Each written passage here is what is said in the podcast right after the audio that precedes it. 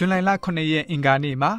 လေ့လာသွားမယ့်ဥပုသ္စာပြေသင်ခန်းစာရဲ့ခေါင်းစဉ်ကတော့အသက်တာပြောင်းလဲခြင်းသည်ထူးခြားမှုကိုဖြစ်စေသည်ဖြစ်ပါတယ်။တမန်တော်ဝတ္ထုခန်းကြီး၄ငယ်73မှာဆိုရင်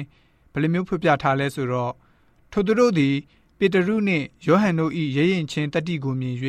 လူတတ်မဟုတ်လူတမညတာဖြစ်သည်ကိုသိမှတ်သဖြင့်အံ့ဩ၍နေကြ၏ထိုသူနှစ်ယောက်တို့သည်အထက်ကယေရှုနှင့်အတူရှိသည်ကိုတတိယ၍၎င်းဆိုပြီးတော့ဖော်ပြထားပါတယ်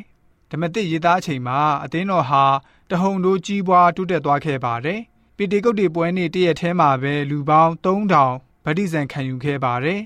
နောက်ရက်သက်တစ်ပတ်အနည်းငယ်အတွင်းမှာထပ်မံပြီးတော့လူတွေဟာဗတ္တိဇံကိုခံယူလာပြန်ပါတယ်မကြာမီအတွင်းမှာအာနာပိုင်အဖွဲ့အစည်းကနေအဲ့ဒီအကြောင်းကိုသတိပြုမိလာပါတယ်ဓမ္မသစ်အချင်းအသက်သောယုံကြည်သူအပေါင်းတို့ဟာ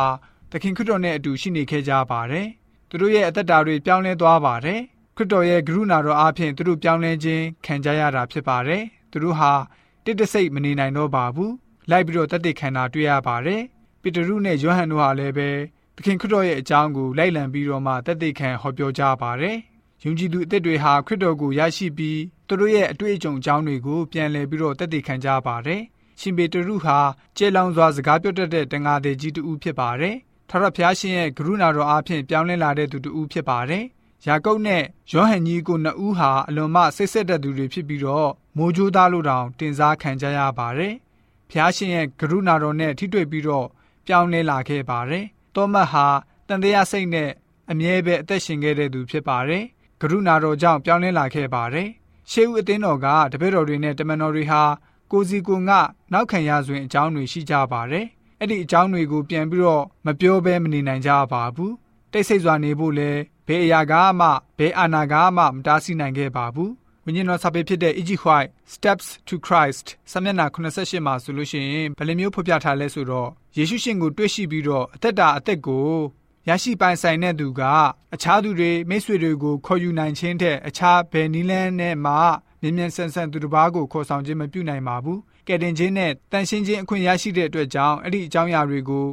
ဘယ်နည်းနဲ့မှရင်ငုံနှုတ်ပိတ်ထားလို့ မရပါဘူးစိတ်နှလုံးကနေပြီးတော့ပွင့်ထွက်လာစမြဲဖြစ်ပါတယ်ဆိုပြီးတော့ဖော်ပြလိုထားပါတယ်။မှတ်သားဖို့ကတော့ဘာသာရေးခေါင်းဆောင်ပြောတဲ့စကားတွေဟာဘယ်လိုမျိုးရှိသလဲ။သူတို့တွေဟာခရစ်တော်ရဲ့အကြောင်းဟောပြောနေတာကိုရက်တန့်မှုအမိန်ပေးခဲ့ပါတယ်။ပြသတဲ့နမိတ်လက္ခဏာအတွက်ထင်ထင်ပေါ်ပေါ်မျက်ဝါးထင်ထင်အမှန်တကယ်မြင်နေရတော့လဲပဲ ယောဂပျောက်သွားတဲ့သူဟာသူတို့ရှေ့မှာပဲမတည့်ရနေပါတယ်။အဲ့လိုအခြေအနေမျိုးရှိသည့်တိုင်ဘာသာရေးခေါင်းဆောင်တွေဟာသူတို့ရဲ့စိတ်ထားတွေကိုပြောင်းလဲဖို့ညှင်းပယ်ခဲ့ကြပါတယ်။စန့်ကျင်မှုတွေကိုခံကြရတော့လဲပဲပေတရုနဲ့ယောဟန်တို့ဟာမိမိတို့ရဲ့တသက်ခံခြင်းအမှုကိုလုံးဝအလျှော့မပေးဘဲဆက်လက်လှုပ်ဆောင်ခဲ့ကြပါတယ်ကျွန်တော်တို့ယုံကြည်သူများအနေနဲ့ခရစ်တော်ကိုတကယ်ပဲကိုယ်တိုင်သိရှိပြီးတော့တည်ကျွမ်းခြင်းရှိဖို့အထူးပဲလိုအပ်ပါတယ်ပြီးတဲ့အခါမှာခရစ်တော်ရဲ့အကြောင်းကိုလည်းပဲ အားကျိုးမှန်တဲ့တသက်ခံတဲ့ယုံကြည်သူတွေဖြစ်စေဖို့အတွက်အင်္ဂါနေ့ဥပုသ္စာပြေသင်ခန်းစာကဖော်ပြထားပါတယ်